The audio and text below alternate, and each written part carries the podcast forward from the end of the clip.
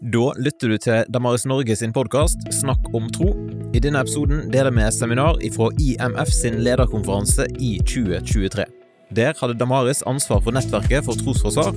Det skal vi òg ha i 2024. Den 1. til 3. november er det lederkonferanse i Straume forum på Sotra, så der er det mulig å bli med om du ønsker å delta i et sånt trosforsvarsnettverk. Her kommer dagens episode. Eh, mitt navn er Rune Tobiassen. Har gleda meg til denne, dette seminaret, for nå har jeg lyst til å gi mine grunner til at jeg er kristen. Og det skal vi gjøre. Vi har, vi har, jeg har forstått det som at vi har litt tid. Vi har tida fram til klokka er seks, og så er det middag etterpå det. Stemmer ikke det? Så da har vi litt tid. Og um, jeg er også med på en sånn nettverkssamling. Hvor mange av dere som er med på nettverkssamlinga? Sånn én, to, tre, fire Ja. Så det vi skal gjøre nå, det er at jeg skal gi dere mine grunner til at jeg er kristen. Og så i, i, morgen så kommer vi til å ta litt av det inn i nettverkssamlinga, men der skal vi jobbe mye mer av å begrunne sin eget tro. Så jeg får ikke tid til at vi tar hele det nå. Um, men jeg vil gi dere en, en, smak av boka som jeg har skrevet, som heter 17 grunner til at jeg er kristen. Og har lyst til å på en måte at dere skal få høre hvorfor jeg har gjort det, og litt sånne ting. Så jeg håper det skal bli relevant for dere, og relevant for troa deres. Um, jeg har lyst til å begynne med Her ser dere mine grunner til at jeg er kristen. Der ser min bildevegg. Altså en, en vegg, og så er det 17 bilder. Og så er det 17 grunner til at jeg er kristen. Og Så skal vi zoome inn litt på de grunnene. Og så er poenget med det ikke at det er så interessant hvorfor jeg er kristen, men det er først interessant når du relaterer det til deg sjøl og finner ut av hvorfor er du egentlig kristen. Så i morgen på nettverkssamling skal vi bruke enda litt mer tid til det. Så dere som er der nå, eh, vil få litt repetisjon i morgen. Men jeg tror det skal være nok å ta av, så jeg tror det skal gå greit. Men, men spørsmålet er hvorfor er du kristen? Har du tenkt igjennom det? Hvis du spør meg på gata Rune, hvorfor er du kristen? Så har jeg et svar å gi deg. Jeg har et svar som tar eh, tolv eh, sekunder. Det er et svar som tar syv sekunder òg. Og så er det et svar som tar Eller hvor, hvor mye skal det ta, tenker du? Ja.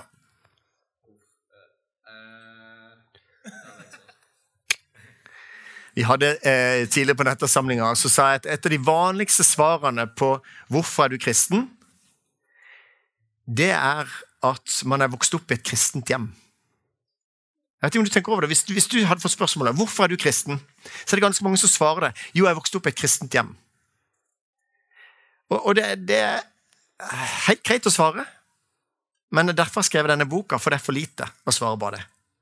For Det er en grunn til at du ble introdusert til kristen tro, men hva er det som er grunnen til at du er kristen i dag? Til tross for at du ikke får alt til å gå opp, til tross for at du ikke har fått det bønnesvaret som du har lengta etter, til tross for?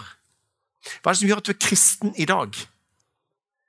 Det er et kjempeinteressant spørsmål. For hva du svarer på det, det vil jeg si er ditt vitnesbyrd.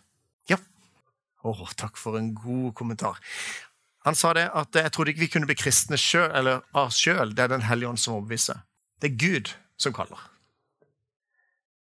Men han har invitert og ønsker at vi skal på måte gi et svar på det. Han sier 'kom, alle som tørster'. Alle de som tok imot dem, dem gav rett til å bli Guds barn. Han som vil at alle mennesker skal bli frelst. Altså Det er en åpen invitasjon, og han vil at alle skal bli frelst. Og det på en måte Egentlig så blir det vår respons på det. Og Det brukte vi litt tid på det ondes problem tidligere i dag, men det skal ikke ta noe langt på det. Men, men altså det valget vi har til at jeg kan få lov til å si nei takk til Gud. Og det har han gjort i sin kjærlighet. Han tvinger ikke deg til å måtte tro på han, men du har blitt gitt en anledning til å si nei takk. Og jeg er veldig glad for at du går an å være ateist, for det sier noe om Guds kjærlighet. Faktisk. Det at Gud har gitt et alternativ, sånn at det er mulig å si nei takk, det sier noe om at Gud, altså kjærligheten er nødt til å sette i frihet. Hvis ikke du settes i frihet, så blir du tvungen til at det bare, det er ikke noe å velge, du bare må tro på Gud. Men Gud har gitt så mye av seg sjøl at det er mulig å finne Gud. Men han har ikke gitt så mye av seg sjøl at det ikke er mulig å ikke måtte finne han, hvis jeg følger med. Og det er litt fascinerende. For det er at hele Bibelen er full av personer. Og til og med når de hørte Jesus forkynte Nei, dette er ord. Og så bare lot de være. Og så de, gikk de bort, og Jesus lot de gå bort. Den rike mannen lot Jesus få lov til å gå.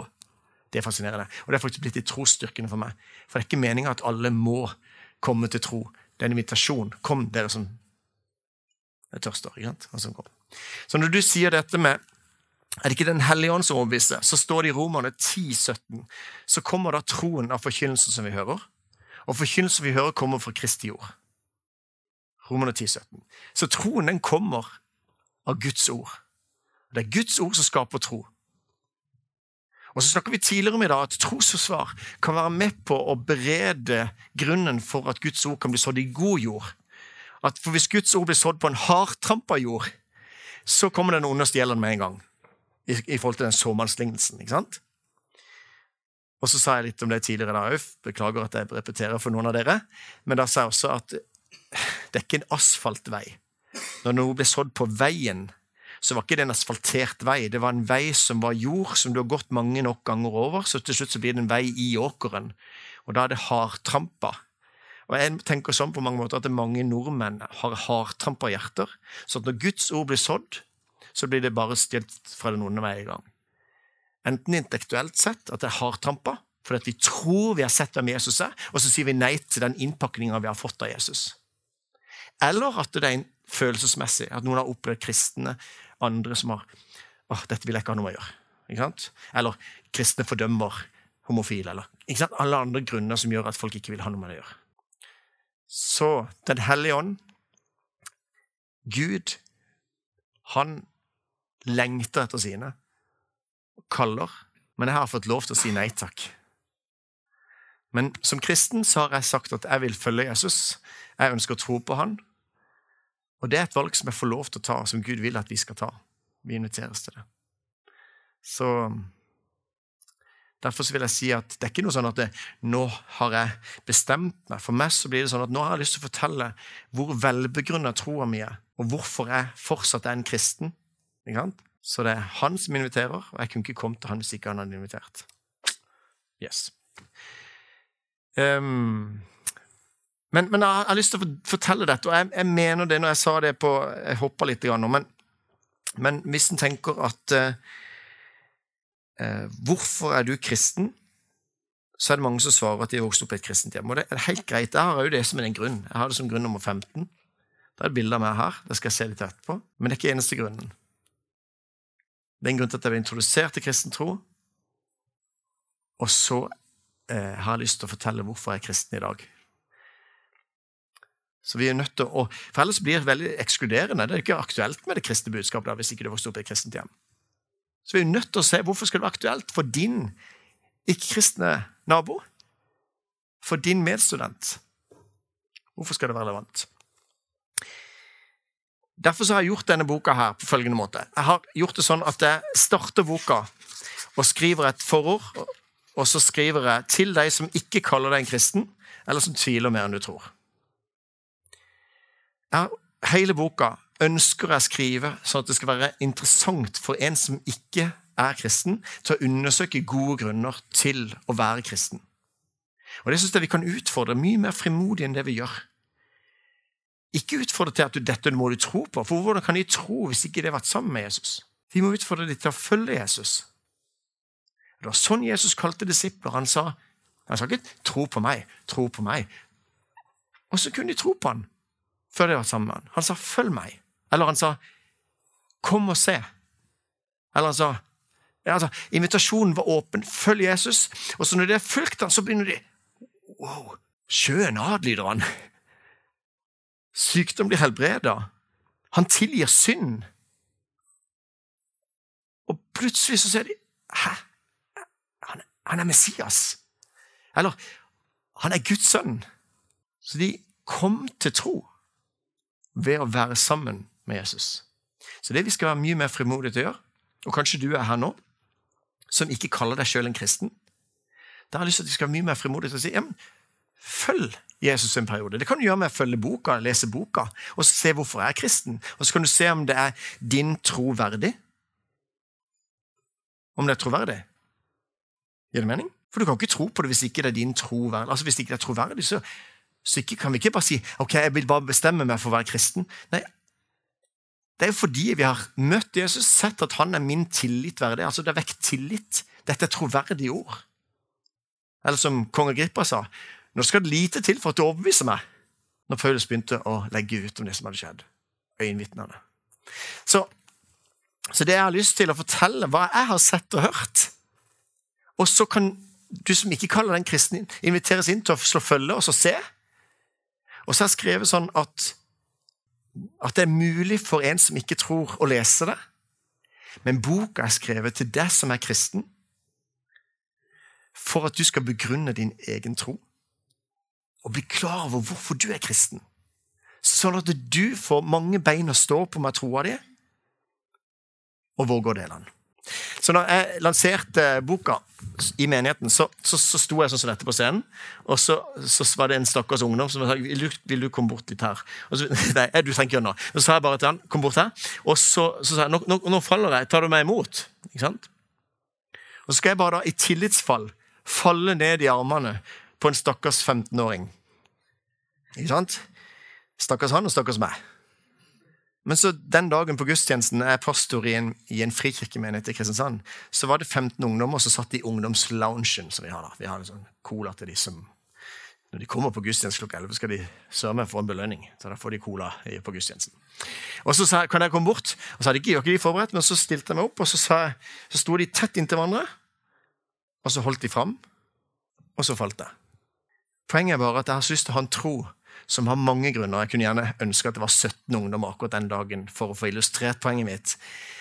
Men jeg trenger en tro som gjør at hvis det er ett bein på en måte i troa som vakler litt, så står jeg støtt allikevel. Så jeg har 17 grunner til at jeg er kristen. Og hvis du ser at det kanskje er en grunn til at ikke du er kristen, det er at du har ikke opplevd bønnesvar, eller du har ikke opplevd det, kan det da være kristen, sier du da? Ja, men Da vil jeg si, da har du 16 av noen gode grunner til å tro. Og så blir det ikke sånn at um, hvis vi er usikre på var det virkelig Gud som gjorde den tingen der i livet mitt Åh, Jeg begynner å tvile etterpå. Tre år seinere. Var det virkelig Gud? Nei, men Du har mange andre ting som gjør dette stødig. Og alle de andre erfaringene som du har skrevet ned, gjør at dette er troverdig. Det er poenget. Ikke noe hokus pokus, men jeg opplever at det som jeg gjør, er at jeg ikke går i dybden på hvert av temaene, men jeg går i dybden ved å gå i bredden. Og det føler ikke at mange har gjort det, lagt det ved siden av alle disse grunnene. Men det er et poenget. At vi må se at vi har en skikkelig troverdig tro for hodet, for hjertet, for livet. Så skal jeg gi, gi det svaret som jeg har på syv sekunder på hvorfor jeg er kristen. Vil jeg høre det? Kommer litt an på hvem som stiller spørsmålet til meg. Men det tar litt lang tid med to, 200 sider når du står på gata i, i, Bergen og skal liksom fortelle at du er kristen. Du, nå skal du høre her. Det tar litt for lang tid. Så jeg har et svar. Det tar syv sekunder. Rune, hvorfor er du egentlig kristen? Er det noen som har lyst til å spørre meg, forresten? Vet du noe, Jeg har ikke nok tro til ikke å tro. Jeg klarer, jeg, jeg ikke tro. For dette krever større tro og ikke tro enn å tro at det står noe bak. Det er én måte å svare på. Det kommer litt an på hvem som stiller spørsmålet. Men det er mitt favorittsvar for tida nå. Det tar kanskje elleve sekunder. Noen som vil prøve å ta tida? Vil du stille spørsmål? Altså, en gang du har stilt spørsmålet, så skal du, stille, så skal, skal du ta tida. ok? Ja, så starter du. Det er så mye kaos i denne verden her. Men jeg har en fred i det kaoset. Ta det. Ja, ok, bra. Jeg tror kanskje litt for langt sukk, eller Nei da. Men poenget er at dette er liksom sånn tåpelig. ikke sant? Det er ikke det som er poenget. Poenget er bare at jeg har et svar. Noen spør meg Rune, hvorfor er du egentlig kristen. Nei, vet du noe? Jeg har en fred. Det er en grunn til at jeg er kristen. Men det er ikke det eneste svaret jeg har med. Men det kan skape nysgjerrighet. Det skal vi snakke litt mer om på seminaret i morgen, når vi skal se hvordan vi skal dele troa vår.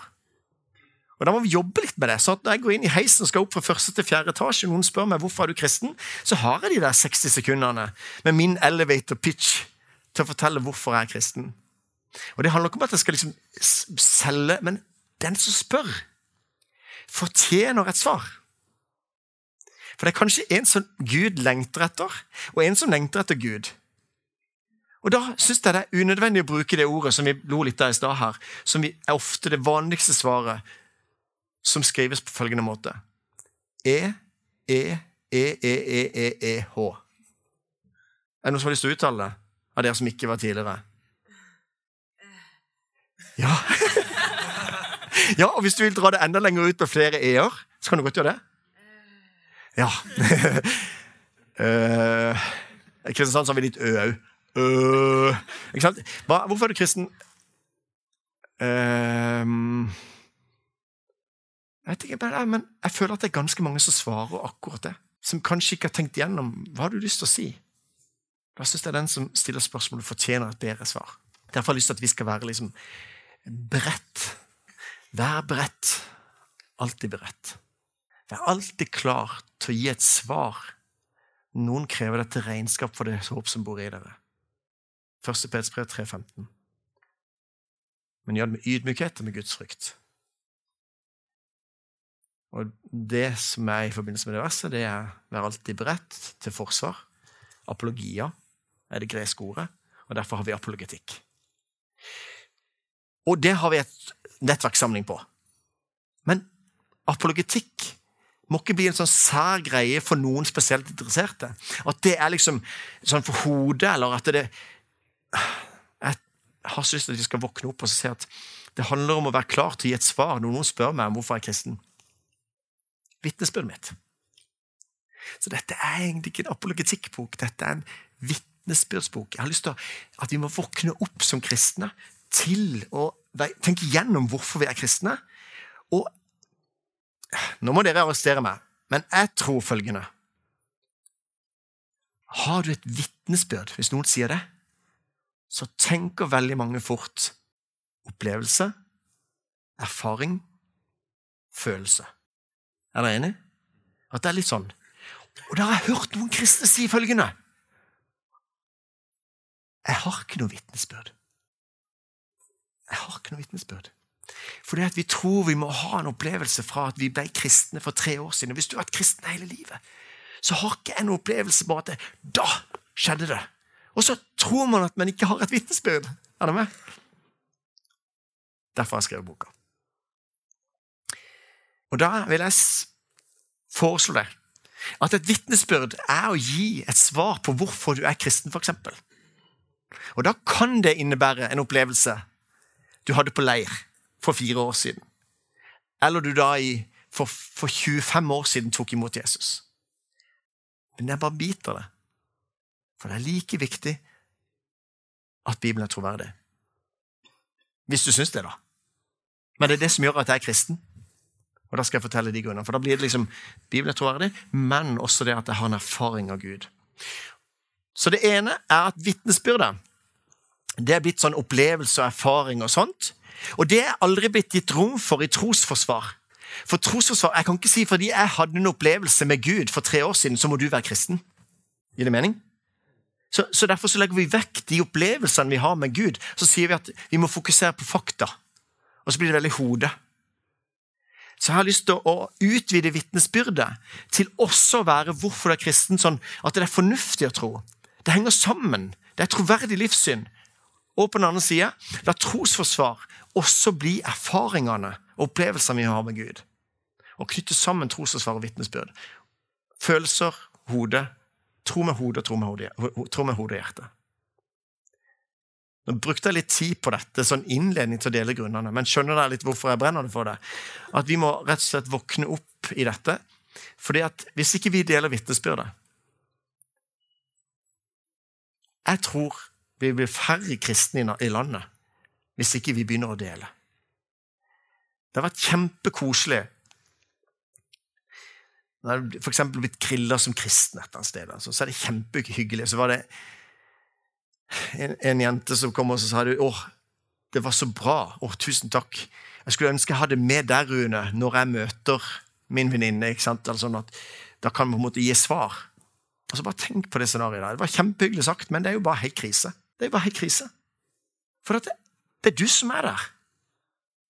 Det er du som møter dine venner. Det er du som møter dine kollegaer. Og det er ikke interessant med en som ikke de kjenner. De kjenner deg. Og det er ikke interessant egentlig hva du svarer, så lenge du gjør det med en ekthet og sier at du er en kristen. Og at du tror til tross for at ikke du kan svare på det spørsmålet som du fikk. Gir det mening? For det er ikke det som løser det når du bare Og der kom det med et svar som løste det for den andre. Det er det at du er et vitnesbyrd, at du sier 'jeg er en kristen', til tross for at jeg ikke kan svare på akkurat det spørsmålet du stilte meg nå. Eller i hvert fall kan gjøre det på en måte som, som overbeviser deg. Men jeg tror jeg er en kristen. For meg så betyr det òg litt at noen gjør det no i det offentlige. Det, jeg synes det er litt kjekt, for Tor Håvik han har anbefalt boka å gjøre det inn i, inn sånn permen på boka. Jeg, jeg syns det var gøy med Tor. Plutselig så er det bare sånn Oi, endelig en kristen på TV som liksom er normal! Jeg forstår meg rett. Altså, er det med? Så, så bare, å, han representerer oss kristne liksom, sånn som jeg har lyst til at vi skal bli, eller, bli, ja, bli gjenkjent som. Eller sånn har jeg lyst til at vi skal oppfattes. For det er så mye råtten fremstilling av kristne i filmer eller andre ting. Og det finnes noen normale pastorer òg, altså. Seriøst. Av og til. Så, så hvis det på en måte handler da om at eh, du, som lærer, som student, er kristen, så er det et vitnesbyrd som vi trenger. Ikke at du skal svare. Ikke la være å si det fordi at ikke du vet hva oppfølgingsspørsmålet blir. For det er mange som lar være å si at de er kristne. For tenk hvis de ikke kan svare på spørsmålet som kommer. Jeg pleier å tulle litt med det av og til hvis jeg får et spørsmål som sier bare, å, det har jeg ikke tenkt på. Der mister jeg troa mi. Gjør ikke det. Hva er det som gjør at jeg tror, til tross for at jeg ikke helt skjønte spørsmålet? Eller ikke kan svare på alle ting. Så det jeg har lyst til at vi skal bli bevisst for vi fokuserer ofte på den ene tingen som ikke vi får til å gå opp. Og så kverner vi rundt den tingen. Kan jeg egentlig være en kristen? For jeg har jo ikke opplevd et bønnesvar. Som ikke kan bortforklares, i hvert fall. Så um, skal jeg fortelle siste grunnen til at jeg skrev boka. I dediseringa i boka så står det 'Til Mathea, Marius og Malin'. Måtte denne boka hjelpe dere til å begrunne deres egen tro pappa. Jeg har tre barn. De er 10, 13, 15. Jeg har ikke lyst til at de skal tro fordi jeg tror. Jeg vil at de skal begrunne sin egen tro. Og jeg har et håp om at eh, denne boka kan hjelpe dem, men det er egentlig mer det at alle må finne sin egen plass. Altså, alle må ta et valg sjøl. Jeg ønsker å være en kristen, kan ikke leve på foreldrenes tro. Og Da vil jeg hjelpe dem med å begrunne troa. Og så fikk jeg lov til å trykke en henvendelse som jeg fikk i Jeg kan vise den på storskjerm, forresten. Fordi at um, jeg, har lagt, jeg legger alltid takk. Kan ikke du bare peke hver gang jeg har lagt den fram et sted, så bare så peker du hvor den ligger hen? ok?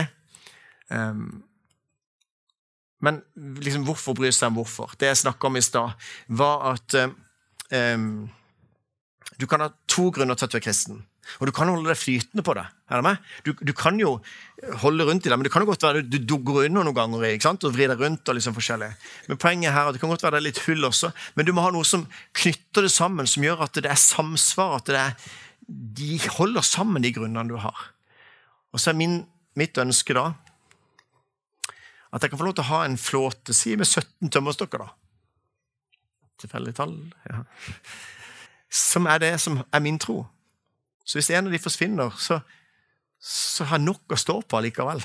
Hvis jeg skjønner bildet. Eller at jeg har 17 ungdommer jeg kan falle i hendene på, istedenfor bare én. Stole på den ene grunnen. Jeg har mange grunner til å tro. Det er litt viktig. Men det var den jeg skulle vise til dere. Hei, Rune. Dette er en 20-åring fra Kristiansand. Gutt. En av mange sånne Når man er rundt og blir grilla, så får man noen sånne henvendelser. Jeg sitter og lurer på om jeg har arvet en tro, om jeg noen ganger egentlig har vært kristen og fulgt Jesus. Jeg har vel generelt basert troa på gode følelser rundt lovsang og bønn, og ikke minst forventninger fra familie- og kirkemiljø. Det har plaget meg veldig etter at jeg oppdaget dette, og jeg føler jeg trenger å bygge opp et livssyn på nytt igjen. Dette er bare skrevet rett av Messenger-meldinga, så det er litt sånn. Men jeg tror jeg trenger solide bevis og argumenter på en intelligent skaper, for så å lære å kjenne denne skaperen. Har du gode kilder til hvor jeg kan lese meg opp? Eventuelt har du lyst til å møte meg en dag du har tid, for å prøve å male bildet så tydelig du klarer. Vet hvor vanskelig det er å få tid til små forespørsler som dette, så ikke vær redd for å si nei. Jeg tror det er mange som har lyst til å på en måte, Det er så vanskelig. Hvor går du inn på internett? og liksom, Hva er meninga med livet? Altså, det er vanskelig å finne ut hvor du skal Så Derfor har jeg lyst til å veilede deg og si dette har vært viktig for meg. Så viser jeg på noen sånn QR-koder og så sier jeg gå inn der. Få med deg denne The Chosen-serien. Jeg synes det er veldig bra. Da viser jeg til den gjennom en QR-kode. Og så vil jeg at du skal se Bible Project. Jeg synes det er veldig bra, så jeg viser til de, og så viser jeg til Tor Håvik sin oppstandelsesserie. Skjønner du? Jeg har lyst til at jeg skal se de tingene som har vært viktige for min tro. Så at det blir et, en hjelp for deg.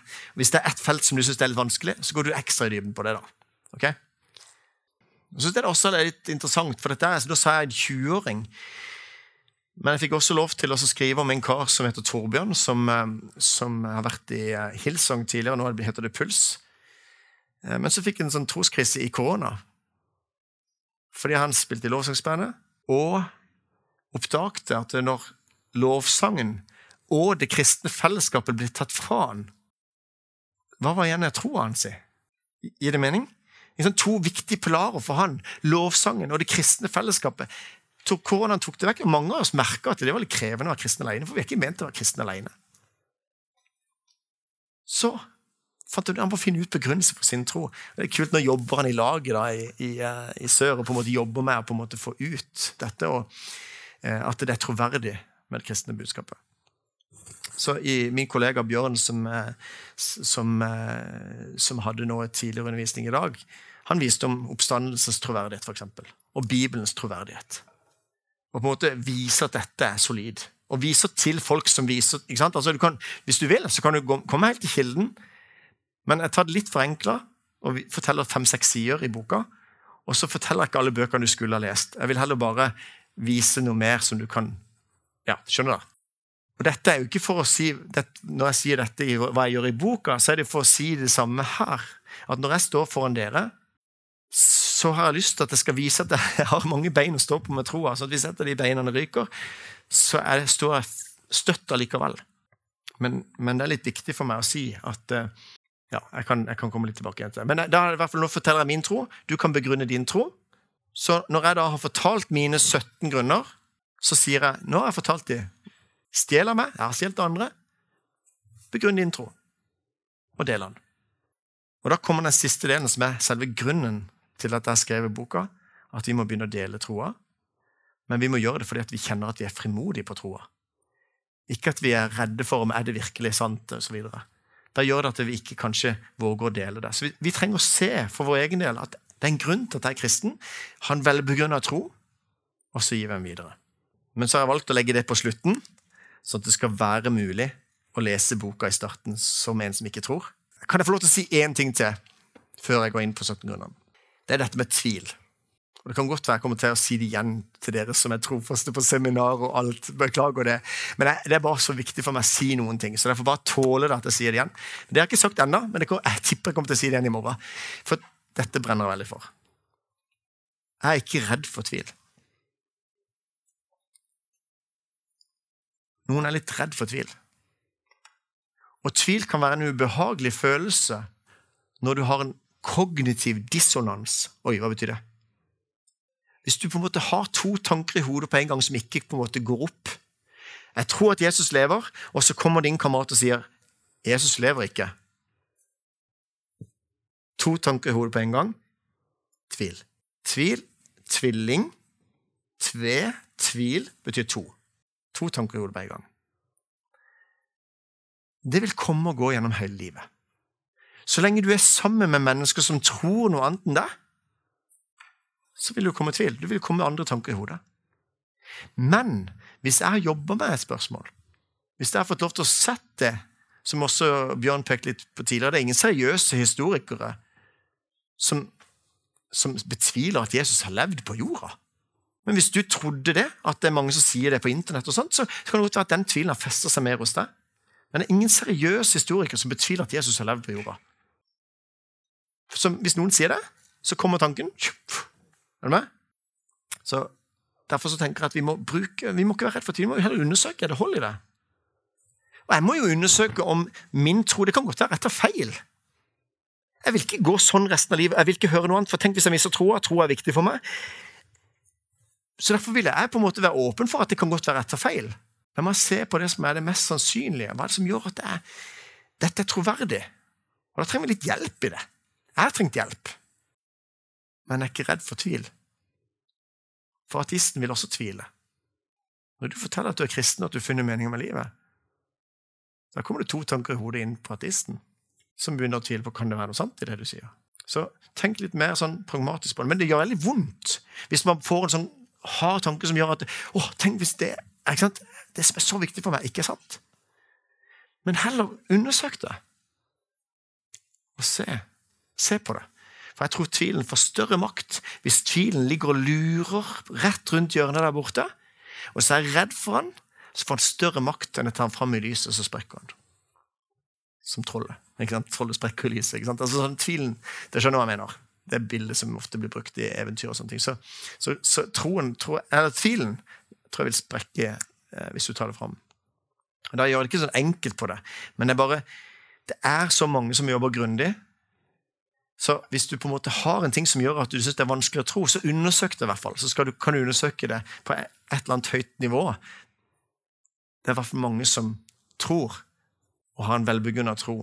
Eh, kanskje på et høyere nivå enn det du har gjort og undersøkt allerede. Så sjekk det ut.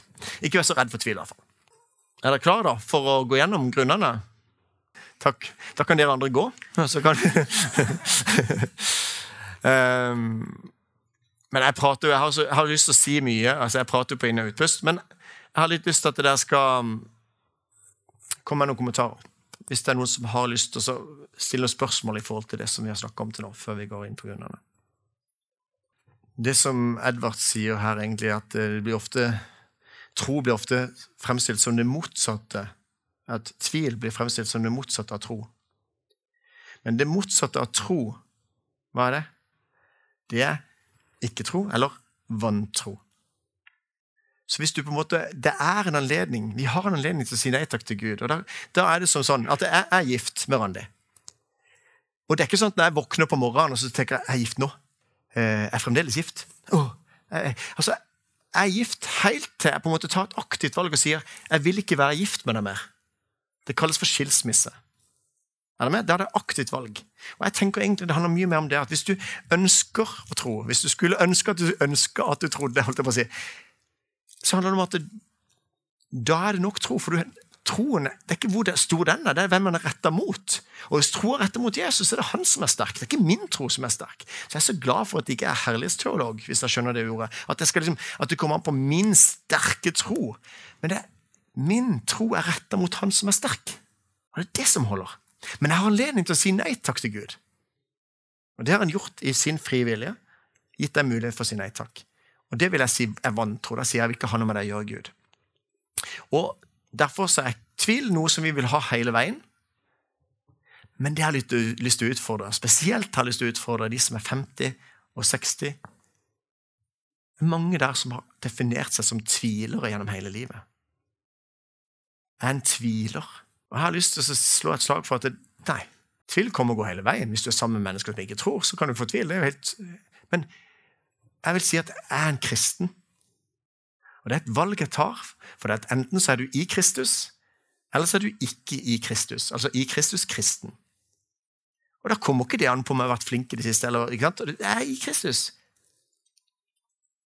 Jeg er kristen. Jeg har gått liksom, Det vil si at jeg er kristen helt til jeg velger å eventuelt gå ut av det og si at nå vil jeg ikke være kristen lenger. Gir det mening? Da vil jeg ikke definere meg som tviler, men jeg tviler. Skal jeg fortelle når jeg hadde mest tvil?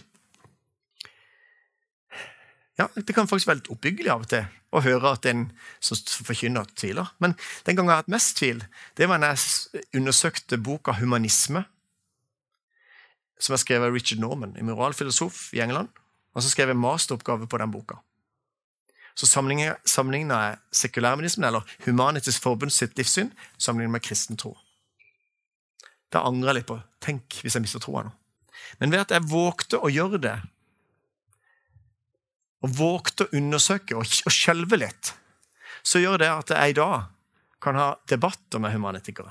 Og det er ikke sikkert at Jeg vil ikke gi den boka til min datter på 15 år. må du lese den. Men poenget er bare at når jeg begynte å stille spørsmål ved deres livssyn, hvordan begrunner de? De sier at mennesket er verdifullt, men hvordan, hvilket belegg har de for det?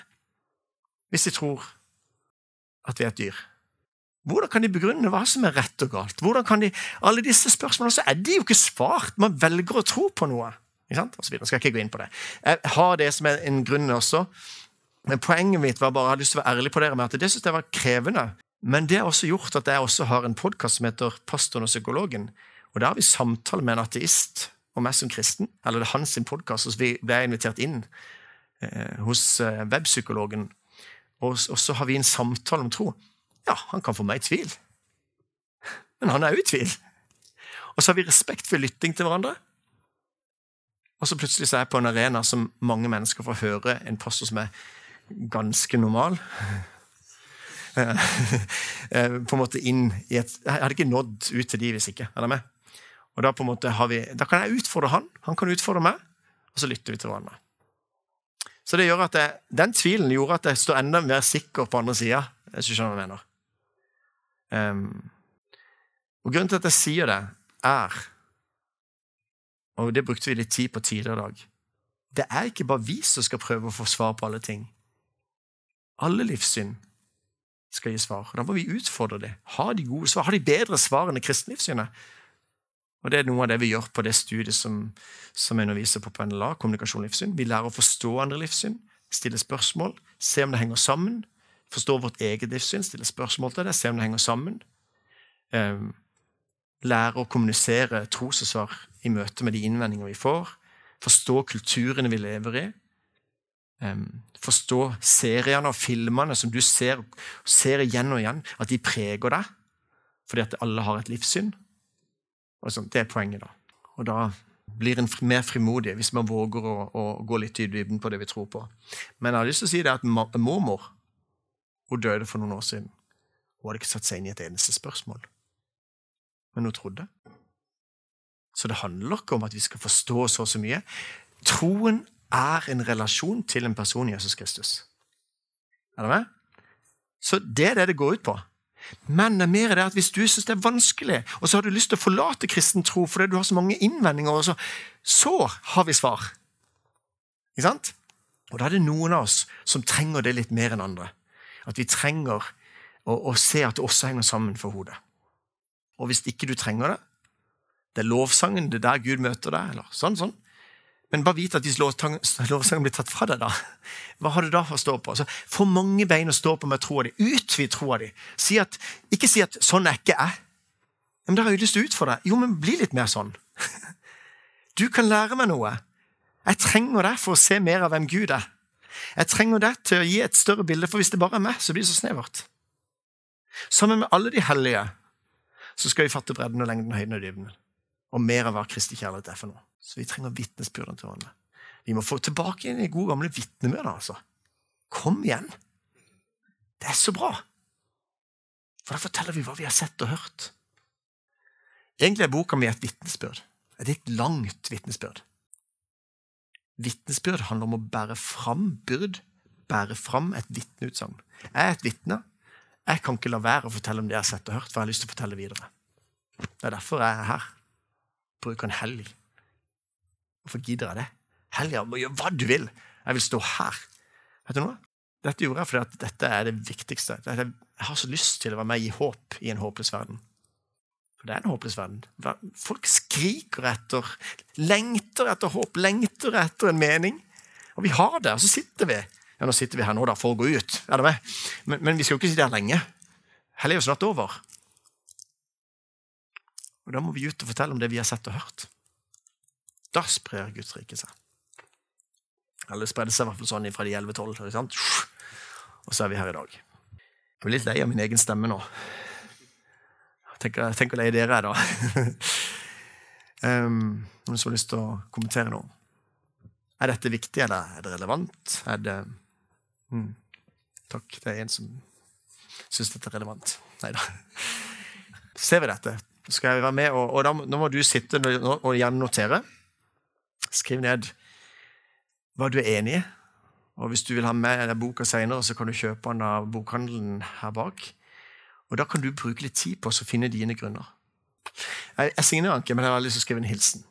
Og det, det, kan jeg gjøre etterpå. De har lagt til rette for det etterpå. De spurte om jeg kunne gjøre det. Men, men det som er um, Og hvis, har, hvis, ikke du har kristne foreldre Hvis ikke du har en kristen forelder, så vil jeg kjøpe boka til deg. Filler'n. Nei, men altså, jeg, jeg, jeg, vil bruke det som jeg tjener. Og det er ja, Dette er litt sånn um, uh, dette dette er, ganske spesielt. Sånn som jeg var nå på Veritas-konferansen eh, forrige eller to helger siden, forrige helg, husker ikke helt, i Grimstad. Så var det ei som kom, og så uh, Husker du meg? Ja, jeg har sett deg før, og så husker jeg ikke helt hvor du var hen. Du var hos oss 14. mai på Drottningborg. Og da hadde hun fått boka 'Får deg kristne foreldre'. Og så tok hun mot Jesus. Og da tenker jeg at jeg har lyst til å være en sånn som kan være med og heie på de, som ikke blir heid på hjemmefra. Og det betyr ikke det at jeg, jeg kan ikke gjøre noe mer, men kan, boka kan liksom være noe Jeg kan ikke følge opp. Men skjønner du der? Boka kan være en sånn en, Her kan jeg veilede deg i forhold til hvordan det har vært viktig for meg med tro. Og så kan det være en redskap. Så kom gjerne, så vil jeg skrive opp ditt navn i min bok. Og da var det gøy å slå opp i boka mi og så se at det der sto hos sitt navn. Så det var veldig gøy. Så det er det jeg ønsker. Jeg har lyst til å være med og gi igjen til de som ikke har kristne. Dere som har kristne foreldre. Det er noen som er foreldre. men dere som har kristne foreldre, kan jo eventuelt spørre kan jeg få en bok som gir meg 17 grunner til å være kristen. Så, så sier de ja. Poenget er at da, da, har de lyst til å være med og heie på deg. For det er jo litt det samme som jeg gjør for mine barn. Hvis det gir dere, sånn at jeg kan begrunne deres egen tro. Så det var det. Var det. Og så syns jeg det er vanskelig i forhold til salg, men tenk heller at en har Lunde hatt en um, De har lyst til å ut dette budskapet. Jeg syns det er litt kult å være med og og jeg har lyst til å få ut evangeliet. Det er jo dette som er evangeliet. Nå skal dere få kortversjonen, sånn at dere slipper å kjøpe boka. Og hvis dere syns det er sånn, det må jeg få mer på, så går det an å gå dypere i det. Men jeg har lyst til å fortelle. Så hvis jeg har noe å skrive på, eller hvis jeg har et eller annet, eh, så, så ta og noter de som er dine grunner, sånn at du kan være klar til å gi et svar når noen spør deg om det er håp som bor i deg. Ok? Yes. Den første grunnen til at jeg er kristen, det er at det gir meg mening med livet. Jeg har lyst til å begynne der, for det er en, det er ikke sånn at det er en rekkefølge. Jeg hopper litt fra hodet til hjertet, og så at det ikke skal bare bli teori, og så kommer erfaringene etterpå. Men det hopper litt hele veien, bevisst. ok? Men dette er litt sentralt for meg. For meg så har det alltid vært litt sånn Hva er meningen? Hva er vitsen? Hvorfor er vi her? Altså, Hvorfor skal jeg tjene penger for å få jobb? Å, hva, hva er meningen med livet? Og Det gjorde også at jeg hoppa av på Handelshøyskolen her i Bergen og skulle egentlig bli siviløkonom. Hoppa av, og så gikk jeg over på NLA og tok master i kristendom istedenfor. For meg så ble kallet mitt at jeg, jeg klarte ikke å se hva vitsen med det Så jeg, har, jeg betyr ikke at alle skal være pastor eller være Men jeg skal heie på deg som er kristen der du er. Og kanskje noen av dere andre også her inne får det kallet at dere skal heie på kristne i hverdagen. Okay? men det gir meg mening med livet. Og da sier jeg ikke at du må være kristen for å ha en mening i livet. Du kan ha masse mening i livet som ateist. Familie, venner, hobbyer, jobb, karriere. Masse mening i livet. Men ateisten må være enig Må være enig per definisjon at man er blitt tilvendt tilfeldighet. Og da har du ikke noe hensikt med livet ditt. Du er bare chance. Du er en mutasjon i evolusjonen, må jo ateisten tro. Så det er ikke mest hos kristen som sier at ateisten må tro det, men ateisten tror jo at de bare ble til. Og Da er det ikke noe hensikt med at du er her. Sorry. Men nå er du her, og da må du gi livet. Du som må skape mening i livet. Og det er ganske stor byrde å legge på unge mennesker i dag. At du må finne mening i livet ditt sjøl. Som kristen så er jeg villet. Det er en hensikt med oss mennesker. Vi er skapt til relasjon. Altså, Aner vi hvor kraftig det er? Vi har en mening med livet. Og da sier jeg heller ikke at det er en mening med alt som skjer. Det har jeg ikke sagt. Det er det mest utfordrende jeg hører blir sagt i kristne sammenhenger. det var noe mening med det. At du kan få en mening er noe helt annet. Men at hvis det skjer ondskap, og at noen kan komme og si at det var en mening med det, det syns jeg er svært krevende. Men det er en mening. Og til og med om du er blitt til uten at foreldrene dine ville det, eller, det, eller kanskje ved en voldtekt, for å si det brutalt Var det sånn at Gud ville at det skulle føre sammen? Nei, men Gud har starta sånn at når mann og kvinne kommer sammen, så blir det. Og hvert enkelt av oss er uendelig verdifull. Hver enkelt av oss er uendelig verdifull. Så det er en mening, det er en hensikt med livene våre. Det, ja. Og det tror jeg vi må hjelpe folk til å se hva meningen med livet er. Og Så kan jeg si litt om hva meningen med livet Det gjør jeg eh, i boka litt mer utførlig, men jeg tror meningen med livet er å finne meningen med livet. Jeg tror meningen med livet er å finne ut at ikke det handler om oss sjøl. Og så, videre. så forteller jeg litt mer, og så tror jeg, det, jeg tror jeg finner meningen med når jeg finner. Altså Jeg kan si det på den måten her. Mange graver inn i seg sjøl og leter etter å finne seg sjøl. Hvis jeg løfter blikket, jeg får blikket på Jesus, så finner jeg meg sjøl. Jeg må få, få, få noe holdepunkt utenfor meg sjøl, for her er det bare mye graps. Her er det bare ustøtt og ustabilt. ikke sant? Så løfter jeg blikket, så finner jeg, når jeg finner Gud, så ser jeg Selv med et støvfnugg i dette universet, så er jeg uendelig verdifull. Jeg elsker. Ikke sant? Så det er meningen med livet. Ja. Har du det? Så bra. For jeg tror det er kanskje en måte å tenke på kan være mening i livet versus mening med livet. Grunnleggende hensikt med at de er til. Så at Gud ville at mennesket skulle bli. ikke sant? Og la skape mennesker i Guds bilde. I Guds bilde skapte han det til mann og kvinne. Og så er det, vi er skapt kreative som Gud. Vi er skapt i relasjon som Gud, innad i Gud, treenigheten. Vi er skapt Også de tingene der på en måte gir mening. Eh, og derfor så vil jeg si at um, at det er mange ting, andre ting er der, at det, Hvis jeg da får lov til å erfare bitte grann av tilgivelse, f.eks., så er det noe helt rått hvis jeg tilgir noen eller blir tilgitt. Da kan jeg finne mening i livet, altså bare med sånne små ting. For en ateist må si at meninga med livet til oss som dyr, det er videreføre genene. Mens jeg som kristen kan si at det grunnleggende meningen i universet er kjærlighet, eller tilgivelse. Relasjon. Så vi er altfor beskjedne på egne vegne som kristne, altså. For vi må, vi, må, utfordre ateisten til, til å finne ut av hva, ja, men hvorfor er vi her, da? Nei, vi er bare til Vi er bare DNA. Det er ikke noe mening med at vi er det. Det er jo det er ikke meg som kristen som sier det, det er jo artister sjøl som sier det. Ikke sant? Så vi må våkne opp, og så ser vi at det, vi som kristen har en mening med livet. Og det er en grunn til at jeg er kristen. Så kan jeg lese litt historien om larven og sommerfuglen i boka, men det er at dette livet er ikke alt. Det er også et perspektiv for mening med livet. Men en grunn, en grunn til at jeg er kristen, er at det er mening med livet.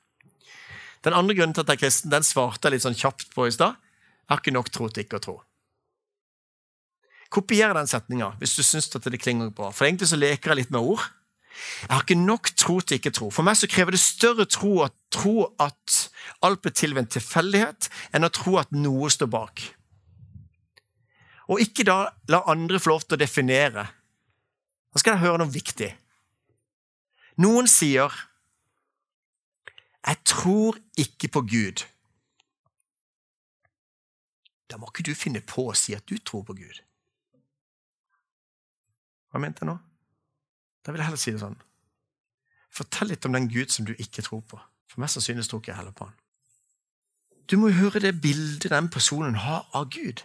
Og Hvis han ikke tror på en Gud som sender ondskap, og, og på en måte en gammel mann med skjegg i himmelen er jo også ateist i forhold til et sånt gudsbilde. Så du må ikke, Noen sier 'jeg tror ikke på Gud', så sier du 'jeg tror på Gud'. Og så snakker vi ikke om det samme. Så Av og til så må vi få folk til å våkne litt med å si det på en litt annen måte. Og det er det jeg prøver å gjøre når jeg leker litt med ord her. Men jeg håper dere våkner litt på dette. For ikke, ikke gå og si 'jeg tror på Gud'. Eller da må du heller si 'kan jeg få lov til å fortelle litt om den Gud som jeg tror på'? Istedenfor å si at du tror på den Gud som de andre ikke tror på. For det er veldig mange som har rare bilder av Gud. Så det er mye mer lyst til at du skal begynne å stille spørsmålet. Du, hva tror du egentlig? Jeg tror ikke på noe. Eh, jo.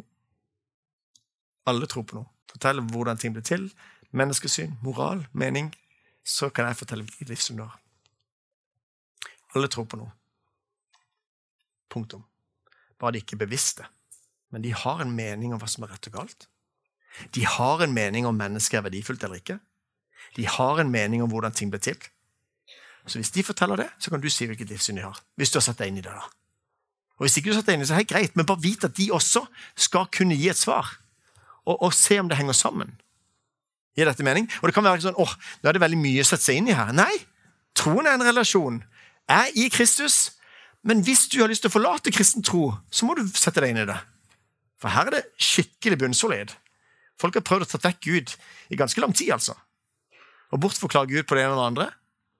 Gud lever fortsatt i mennesketanken. Altså, det går ikke an å ta vekk Gud. Ja. Ok. Og så tror jeg vi må se det at vitenskap ikke er det motsatte av tro. Hvor mange av dere har venner som sier at 'jeg tror ikke på Gud, jeg tror på vitenskap'? Har dere hørt det? Du har hørt det? Du. Sorry. Det motsatte av tro er ikke vitenskap. Nei, unnskyld. Det motsatte av Gud er ikke vitenskap. Det motsatte av Gud er ikke Gud. Ateisme. Og For meg så krever det større tro å tro at alt blir til av seg sjøl, enn å tro at noe står bak som vi gjerne kaller for GUD. Så vi må på en måte få det vekk. Vitenskapen er ikke noen motsetning. Tro og vitenskap går hånd i hånd. Det er derfor er bildet av en, en vannkoker. Så kan jeg gjerne tatt på en vannkoker og kokt, så kan jeg stille spørsmål til deg. Hvorfor koker vannet? Og kanskje du har et Har du et svar? Ja. Ja, oppvarme 100 grader. Det skjer noe. Altså, så går molekylene fortere og fortere, og så går det fra væske til damp. Du har en forklaring på det. Men hvis jeg spør deg hvorfor koker vannet? Du sier det samme. Men, men kanskje du sier nei, men jeg har lyst på en kopp med te? Ikke sant? Ja, kakao. Unnskyld. Jeg prøver å kontekstualisere eksemplene litt bedre. Så du har lyst på en kopp kakao. Men er det noen motsetning mellom det svaret og det svaret? Nei. Så hvis vi kan få se at de utfyller hverandre eller Det er bare to forskjellige svar. Bakgrunnen til at du har satt på vannkokeren, og det at hva som skjer naturvitenskapelig når man vannkoker. Så vitenskap. Og så handler det om at det, det er to forskjellige forklaringer. Dette er blant annet John Lennox et forbilde brukt som et eksempel. Um, det er en annen som er kilde til det, men poenget er i hvert fall bare John Lennox er et forbilde. Hvis ikke du har hørt om han, hør om han. Altså, dette, dette er bunnsolid. Um, ja. Men ok, tredje grunnen til at jeg er kristen Nå skal jeg ikke bruke så mye tid, for nå har vi 25 minutter igjen. Så da går jeg litt kjappere inn i det. Tredje grunn til at jeg er kristen, er at jeg elsker. Malin her på ti år nå. Det var ikke ti år der. Hun er veldig fornøyd med at det er bilde av henne på, på, boka. Men dette er det ene av bildene. Egentlig så hadde jeg lyst til å gjøre dette til to grunner. Men så måtte jeg jobbe med å få det ned til 17 grunner. Men Jeg skal fortelle deg grunnen. Egentlig en grunn i seg sjøl at jeg ikke strekker til. Det er en grunn til at jeg er kristen. Noen sier, og får oss til å tro, at vi har et negativt menneskesyn i det kristne livssynet. For det sier vi, vi er syndere. Vet du noe? Jeg er så glad for at jeg er en synder. At det Bibelen sier at det er en synder. Det er nesten så kan slenge på et lite halleluja. Og hvorfor? Jo, for det var ikke meninga at jeg skal strekke det. Og det er grunnen til at jeg kan være kristen i seg sjøl. Jeg elsker det også, men bare det at Bibelen forteller at det er ikke meninga at du skal strekke til. Gud vet jo at vi ikke har, vi har ikke sjans. Og Bibelen er full av mennesker som ikke hadde sjans. Ja. Men så er det det også, da. At jeg elsker til tross for denne. Samfunnet forteller et sånt budskap som dette. De sier du er god nok som du er. Har dere hørt det? Og Det høres veldig flott ut, det høres veldig kristent ut. Du er god nok som du er. Det er ikke evangeliet. Og gøy er det å ligge i rennesteinen og så, du er god nok som du er. Det er ikke noe frigjørende. Av og til kan jeg ligge i rennesteinen sjøl. Jeg vil bli satt fri. Så det er frigjørende for meg. Jeg hører at åh, det er ikke meningen at det skulle være sånn. Men evangeliet er følgende. Jeg elsker til tross for denne. Det er en grunn til at jeg er kristen. Jeg elsker til tross for. Når jeg ikke klarer å få det til, så jeg elsker like mye. Jeg elsker. Det er en grunn til at jeg er kristen. Så kunne vi brukt masse tid på det. Men det har jeg hørt så mye også. Men jeg vil at jeg skal se det i sammenheng med alle de andre grunnene. Og kanskje det er det største. Men det er en grunn til at jeg er kristen. Den fjerde grunnen til at jeg er kristen, det er at naturvitenskapen peker på Gud. Ikke la det være noen motsetning, men det peker på Gud. Det er så fascinerende. Bare før. Bare før The Big Bang. Og noen kan liksom begynne å tenke oi, hva, hva tror han om The Big Bang? Oi, dette her blir vanskelig. Nei, men bare, bare tenk det. Før The Big Bang så trodde ateistene at universet alltid bare hadde vært til. Og så opp, gjør vitenskapen oppdagelser med The Big Bang. Som betyr at det, det har vært en begynnelse. Så for 13,8 milliarder år siden så var det en start. I begynnelsen skapte Gud himmelen og jorden. Pff, og Gud som er utenfor tid og rom. Det er ikke noe problem for oss å tro en tid, to. Eller, altså de der tingene der. Men hva står bak? Hvorfor evolusjonen? Ikke sant? Vi snakka litt om tidligere At ikke fokuser på hvordan det skjedde, fokuser på spørsmålet hvorfor. Og der kan vi som mennesker ha noe å bidra med. Uansett om vi ikke har et eneste studiepoeng i fysikk eller biologi. Istedenfor å argumentere for det ene eller andre. Det går over hodet på meg, det går kanskje over hodet på deg. Det kan godt være det er evolusjonen. Men evolusjonen er ikke svar på hvorfor det skjedde. Det er eventuelt bare hvordan. Hvorfor-spørsmålet får oss over på hvorfor er vi her, og hvorfor evolusjon. Så hvorfor skal vi stille? Da kommer vi over på livssyn. Og da må den som er naturalist, tro at alt bare skjedde av seg sjøl. Det er ikke noe svar. Det kan ikke bare skje av seg sjøl. Hva kommer det fra? Og så kan vi komme inn på det heller. Det er mye viktigere. Så naturvitenskapen peker på Gud. Det er masse eksempler der som det er skrevet masse bøker på. Jeg går ikke inn på det, jeg peker litt på det og sier at det er en grunn til at jeg er kristen. Femte grunn til at jeg er kristen. Litt sentralt i troa mi. Det var dette jeg snakka om med fred. Som jeg sa på elleve sekunder. Hvorfor er du kristen, Rune? Jeg har en fred i kaoset. Av og til så ber vi, kjære Gud, gi oss en fred på jord. Eller vi ber om fred på jord. Men hvis Gud skal la det bli fred på jord, så er jo det den nye himmelen og nye jord. det. Så hvis vi heller sier at da opplever jeg ofte at Gud gir en fred i kaoset, og jeg får lov til som kristen å han fred i kaoset. Jeg har et håp i det håpløse. Jeg har glede i Herren, uavhengig av hvor krevende det er i livet. Så følelsesmessig, hvis jeg er her på null, eller her på ti, kjempeglad, så er det ikke den gleden jeg snakker om. Det er en glede i Herren som går oppover. Og Da kan jeg ha en glede i Herren når jeg er glad, og en glede i Herren når jeg er det dødskjipt. Det er grunnen til at jeg er kristen. Det kunne vært fire grunner. Se der hvor krevende det er å holde det inn til 17. Og 17 grunner det er fordi det er et hellig tall. Nei da, det er ikke det.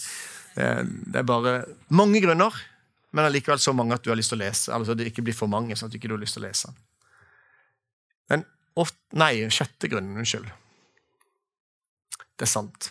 Det er en grunn til at jeg er kristen. Oi. Du kunne vel sagt 'jeg tror det er sant'. Ja. Her går jeg inn på en del av dette med toleransens intoleranse. At vi har ikke lov til å si at noe er sant i dag. Og litt sånn. Så det eh, Jeg skal ikke si noe mer om det nå. Det kan jeg heller stille spørsmål om i morgen. I morgen så tar vi litt Grillen pastor i seminaret her klokka halv fem til, til seks. Så skal vi gi rom for spørsmål. OK? Um, men det er en grunn til at jeg er kristen. Det er sant. Og fordi det er sant, så blir det fred og trøst. Det blir ikke trøst hvis ikke det er sant. Men fordi at. Sannhet er viktig. Det er ikke sånn at det, Nei, jeg tror ikke vi gidder å ha lyd på det, for at Skal vi se Altså, her var egentlig rett og slett bare bar på høyttaleren. Det er en syvende grunn til at jeg er kristen. Og bakgrunnen for det er at noen ganger skal vi prøve å forklare ting, men musikken kan forklare ting som ikke vi har sjanse til å forklare med ord. Den syvende grunnen er altså det fins noe som er vakkert, mektig og hellig.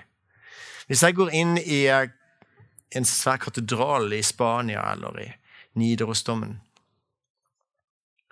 så er det ikke bare sånn at jo, det var kjempehøyt under taket, og så var det veldig veldig fint der. Altså, det er ikke lett å forklare. Du må liksom erfare denne hellighetsfølelsen du får. Den hellighetsfølelsen, den mektighetsfølelsen når du hører på musikk, skikkelig høy musikk trenger, trenger ikke være kristenmusikk heller. Den mektighetsfølelsen du får. Det er skapt noe her. Det er, det er, det er en grunn til at jeg er kristen. Se en soloppgang. Det er en grunn til at jeg er kristen. Hellighetsfølelsen, mektighetsfølelsen. Så fikk jeg ikke fram effekten. I boka så er det bare det kapittelet er bare én stor QR-kode, så er du ferdig. Det er bare den sangen. Og så enkel, hver enkel grunn peker på en lovsang eller en sang. Og det gjør at eh, du også kan spille litt på andre strenger. Hvis jeg tok den. Ikke bare ord. Den åttende grunnen til at jeg er kristen, er det kristne fellesskapet. Jeg anser dere som søsken, eller dere er søsken i troa. Og det er ganske unikt å treffe søsken i troa over hele verden. Jeg skriver nå jeg var med å åpne dører til Egypt, og treffer jeg mine søsken i troa i, i boka. Og det, det, er så utrolig stort å bare se at vi har noe som binder oss sammen. Det at man blir båret i bønn av andre kristne, selv om ikke man kjenner det engang. Det er en grunn til at jeg er kristen. Det er helt rått. Og det er faktisk ganske mange artister som misunner oss det kristne fellesskapet. Skal du flytte til en by, skal du gå inn i en menighet, så kobler du deg på søsken i troa. Det er helt rått. Vi aner ikke.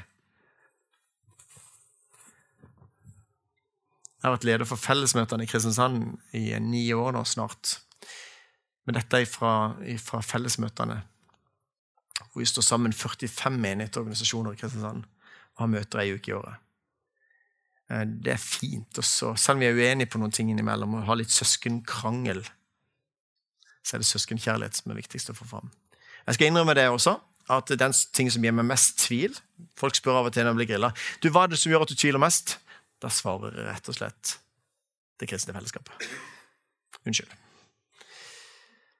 Av og til så kan jeg bli sånn åh, når vi hevder at vi har fått noe fra Gud, og ditt og datt, og så blir det på en måte sånn at vi åh, Så det kan være en stor frustrasjon også. Og i hvert fall når um, Ja, skjønner du hva jeg mener? Men jeg er så glad for at jeg har det kristne fellesskapet. Det er helt unikt. Jeg blir båret i bønn. Det er en grunn til at jeg er kristen. Den niende grunnen til at jeg er kristen, er at bibeloppstandelsen er troverdig. Og Da kunne det vært en, en på en av hver av de, men det er altså Alfakursene begynner på Bibelens troverdighet. Det er bare så veldokumentert. Så at de tingene ble sagt, Du må forholde deg til det om det er troverdig, men det er sånn det ble sagt. Det er troverdig. Eh, så som der for eksempel, så viser jeg til Tor Håvig sin så QR-koden etter det kapitlet. Når jeg oppsummerer mine tre grunner, nei, med min, min grunn med tre punkter, eller fire, så viser jeg også til Tor Håvig sin YouTube. ikke sant? Så kan du gå inn og se den. Um, men det er en grunn til at jeg er kristen. Her er det jo en egen, eller to, tre, fire, fem bibeltimer. Jeg skriver fem sider. Skjønner dere? Men det er en grunn til at jeg er kristen. Jeg kan ikke gå i dybden, men jeg går i dybden ved å gå i bredden. Ok? Den tiende grunnen til at jeg er kristen, det er at jeg har fått erfare Gud. Og det er her vi mangler litt i trosforsvar. Vi mangler litt det med erfaringene, opplevelsene, fordi vi ikke kan bruke det til å overbevise den som hører. Men alle våre opplevelser til sammen av Gud, at det er milliarder av mennesker som har erfart Gud, vi er nødt til å få fram det som en grunn i seg sjøl. Men også personlig. Jeg har fått erfare Gud. Og Da forteller jeg noen opplevelser, men jeg er litt redd for å fortelle opplevelsene. Fordi jeg har sittet så mange ganger og blitt misunnelig på de opplevelsene dere har delt. Når dere har stått framme. Og så på en måte får vi sånn, Kan jeg være kristen siden ikke jeg har opplevd det han har opplevd? Og så tenker vi at det må til for å kunne kalle seg en kristen. Ok, Hvis ikke du har hatt noen store erfaringer, da, så er det 16 andre gode grunner til å være kristen. Er det med? Men også se hva erfaringene er.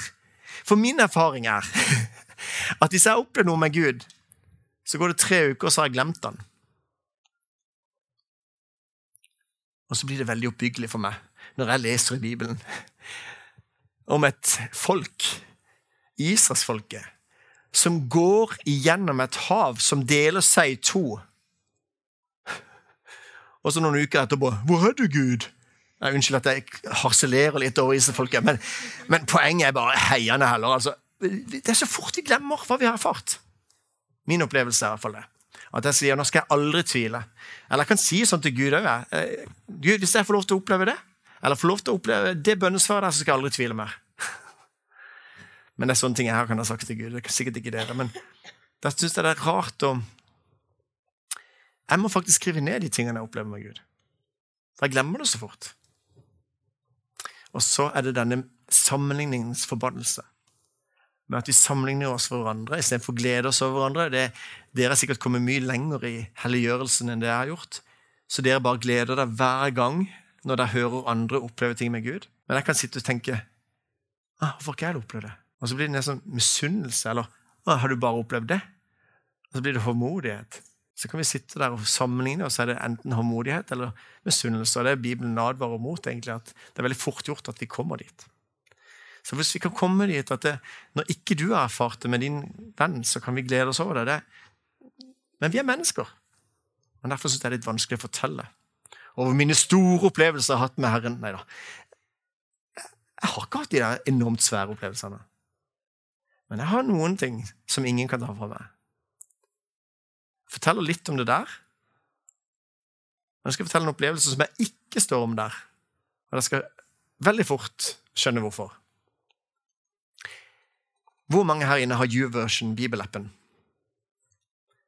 Så kult. Jeg har den på telefonen min, så hver dag så ser jeg den helt øverst. Um,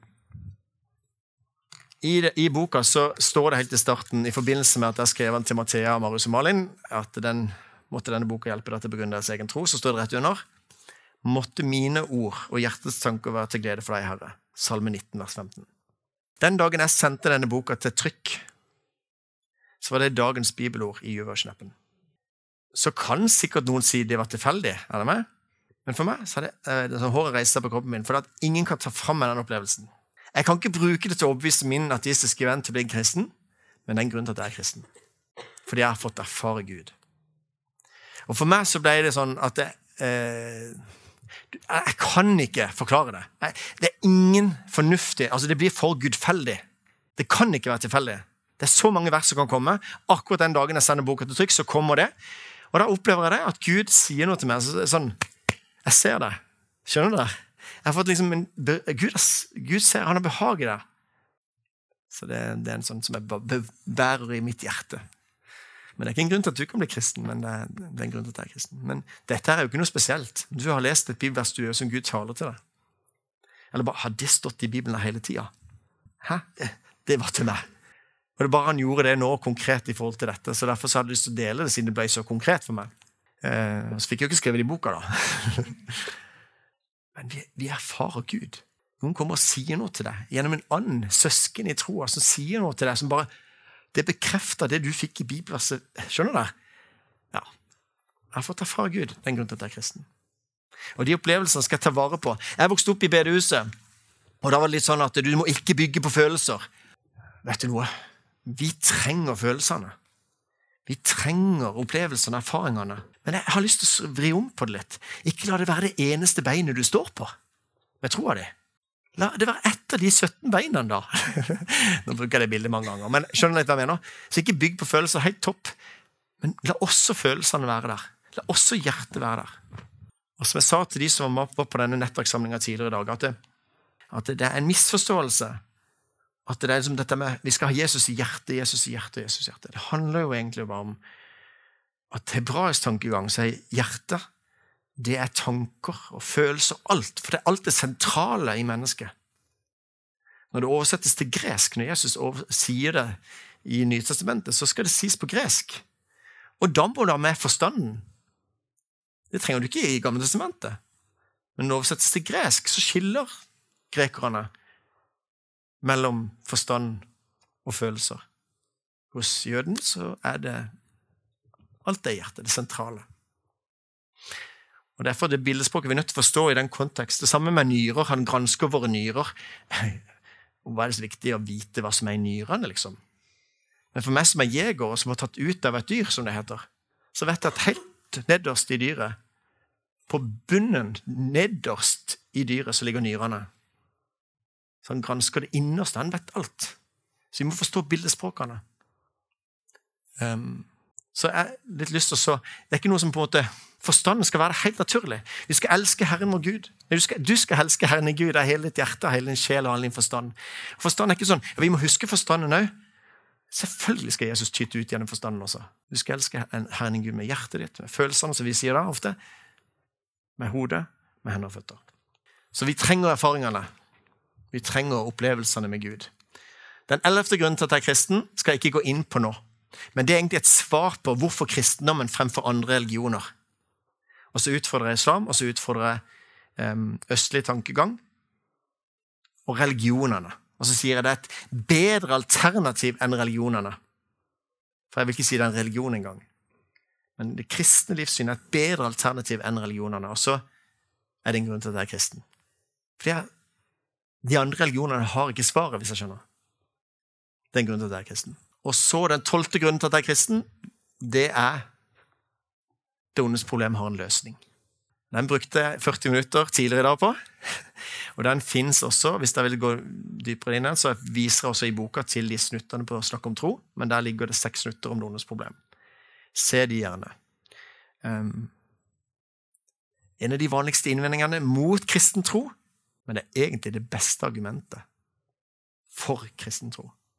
Det håper jeg du vet, så at ikke du blir så usikker når noen kommer og sier hvordan kan være kjærlig Gud når så mye vondt i verden. Et av de beste argumentene for kristen tro, det moralske argument for Gud, er skikkelig sterkt. Ufattelig vanskelig å tilbakevise. Den trettende grunnen til at jeg er kristen, det er at jeg har opplevd bønnesvar og helbredelse. Skulle gjerne opplevd mer, men her ser dere bilde av et bønnesvar som ingen kan ta fra meg. Bønnesvaret heter Mathea er 15 år. Og der erfarte vi på en måte en ledelse og Guds inngripen, men som er redd for å fortelle. For hva med sier jeg da til det sånn, hva med det som har bedt om det samme og ikke fått oppleve å bli mamma eller pappa? Så det er den smerten vi har i denne verden her. Men der fikk jeg lov til å oppleve et bønnesvar. Og da kan ikke jeg bare la det stå helt alene. En grunn til at jeg er kristen, at jeg har opplevd bønnesvar, er nødt til å, å komme med de innvendingene som jeg kommer til meg sjøl. Liksom, ja, men hva med de som ikke blir helbreda? Hvorfor kan ikke Gud helbrede alle? Og da blir på en måte det svarene, hvis jeg skjønner. Da, da kommer de spørsmålene, så har jeg lyst til å gi svar på de sjøl. Så jeg stiller kritiske spørsmål til meg sjøl, hvis jeg skjønner. Fordi at jeg er sånn. Jeg kommer med tvilen min. Den 14. grunnen til at jeg er kristen, det er Ikea. Nei, det var feil. Det er at Bibelen gir meg oppskriften på det beste livet. Jeg kunne godt hatt Lego og brosjyre, eller et eller annet der, men, men det, det, da sier jeg ikke fordi at Bibelen er Guds ord, og den er fin å følge. Da sier jeg hvis du ser de rådene som gir, den livsvisdommen som er der, uavhengig av at det er Guds ord, så er det bare så ufattelig mye livsvisdom at det er en grunn til å være kristen i seg sjøl. Med tilgivelse. Med å elske sin neste, med å gå en ekstra mil. Med visdom i forhold til eh, alkohol, med visdom i forhold til utroskap. Med all den på en måte visdommen som er der. Det er så bunnsolid at det er en grunn til at jeg er kristen i seg sjøl. Så det er ikke sikkert at jeg kunne bare stått på det beinet, at det er så mye visdom i Bibelen. det er en grunn til at jeg er kristen, Men det samme med alle de andre ja, nå har jeg sagt det noen ganger, men jeg håper dere skjønner intensjonen med det. Um, og så Den 15. grunnen til at jeg er kristen, det var det jeg sa at veldig mange svarer. Hvorfor er du kristen? Jeg er også opp i et kristent hjem. Det er nesten litt sånn at det er ikke lov til å svare. sånn, får sånn lyd sånn når du svarer 'Jeg vokste opp i et kristent hjem'. Forstår meg rett. Men vi må la troa være aktuell for alle. Det er ikke bare aktuelt for de som vokste opp i et kristent hjem. Må, men jeg har valgt å ta den med for å si det, og så har jeg også valgt å ta med fordi at mamma og pappa Jeg har sett hva troa betydde for dem. Og dette er jo Avana gode på i forhold til dette. Og, altså Vi skal formidle tro hjemme. Og det har jeg lyst til å gi videre. Og da, Når jeg ser hva tro har betydd for mamma og pappa, så er det en grunn til at jeg er kristen. Mer enn at jeg er kristen fordi at jeg ble hjernevaska til å tro at det er riktig. For det er noen som sier det noen ganger. Og Derfor tar jeg det også opp som et tema. Er jeg hjernevaska, da? Men det er jo bare fint å stille spørsmål tilbake igjen til ateisten òg, som vokste opp i et ateistisk hjem. At den også må eventuelt være jernvaska. Så vi må bare legge vekt det. Vi må se på at vi vil gi videre det beste. Begge mine foreldre ble kristne som voksne. Gjennom vekkelse. Alle mine fire besteforeldre ble kristne som voksne. De vokste ikke opp i noe kristent hjem, men de bygde kristne hjem. Eller ikke mine besteforeldre. De bygde jo ikke kristne hjem. Men mine foreldre bygde kristne hjem. Så jeg har vokst opp i et kristent hjem, men har fått lov til å komme med alle mine spørsmål. Og nå er det ikke fordi at jeg vokste opp i et kristent hjem, det er fordi at jeg har mine grunner til å tro. Og så har jeg valgt å ta med Kanskje du ikke vokste opp i et kristent hjem, men kanskje du da har noen forbilder i tro. En bestemor, kanskje du har en venn, et forbilde på ungdomsklubben. Og det overrasker meg hvor mange som faktisk er kristne fordi at de ble invitert med på søndagsskolen. De siste to ukene i menigheten så har jeg hørt om en på ungdomsgruppa og ei i menigheten som sa at de ble kristne som fireåringer. De ble invitert, de hadde ikke kristne foreldre. ble invitert med av noen andre. Dette skal jeg tro på. Så bestemte de seg som fireåringer. Så Jeg valgte å ta den med, men det handler om forbilder i tro osv. Beklager, nå er tida ute. Så jeg lov til å nevne de to siste. Den er ikke så mange som vil henge seg på nødvendigvis, men det er fordi jeg har lyst til å vise hva jeg så i masteravhandlinga når jeg sammenligna kristen tro med humanitisk forbund, eller sekulærhumanismen. Det å vise at livssynet vi har, hvis du skal tenke det kristne livssynet, det er mer sannsynlig enn alternativene, de sekulære alternativene, de som ikke har, er religioner. Så der viser noen av de funnene jeg gjorde i masteroppgaven. Og så er et viktig punkt at alle har et livssyn. Det sier litt i det. ok? Og den siste grunnen så avslutter vi med dette blikket der. Den som møter Jesu blikk, blir aldri den samme. Jeg har møtt Jesu blikk. Det forandrer meg. Jeg har lyst til at mennesker skal få lov til å se inn i de øynene til Jesus. Og Da er det ikke bare sånn sukkersøt Jesus som var veldig snill. Han var ganske brutal, han var ganske direkte. Han sto opp for rettferdighet, og han var en som som har forandra meg, rett og slett. Så jeg har lyst til å gi Jesus videre til, til mennesker rundt meg. Jesus overvelder meg. Kunne jo vært den eneste grunnen til at du er kristen. ikke sant? Men poenget her er å da undersøke Jesus nærmere og så se hvem han har gatt seg ut for å være. Og jeg utfordrer da til å slå følge med Jesus. Det kan du gjøre til din muslimske venn. Det kan du gjøre til din ateistiske venn. Slå følge med Jesus for å se om han er din troverdig. Om han er troverdig. Og Det må vi våge å utfordre mye mer. Så i morgen, seminaret halv fem til seks, skal vi snakke litt om hvordan dele troa. Og så skal vi også snakke litt om um, Eller egentlig sånn grill en pastor, sånn at jeg kan få lov til å stille alle de spørsmålene jeg vil. Men um, nå har jeg fått mine 17 grunner til at jeg er kristen, og så er ikke det interessant hvis ikke du relaterer det til, deg sjøl. Jeg må bare si det en gang til. Um, Gud, jeg har lyst til å takke deg for at du er en Gud som møter hver enkelt sånn som vi trenger det. Og så har jeg lyst til å takke deg for at du møter oss med forstanden, med hjertet og med hele oss. At vi får lov til å elske deg tilbake igjen med hele oss. Takk for at de kan elske deg med hender og føtter og vise troen gjennom det. Så jeg har lyst til å be om at du må gå sammen med hver enkelt her, la de få lov til å begrunne sin egen tro sånn at de blir bevisst den og gi et svar når noen spør dem om det er håp som bor i det. Men hjelp oss, her å gjøre det med ydmykhet og med Guds frykt. Sånn at vi elsker den vi snakker med, før vi skal overbevise eller noe sånt. Men vi, vi lengter etter å se at ditt rike blir utbredt her på jord. La ditt rike komme. La din vilje skje på jorden så som himmelen. Amen.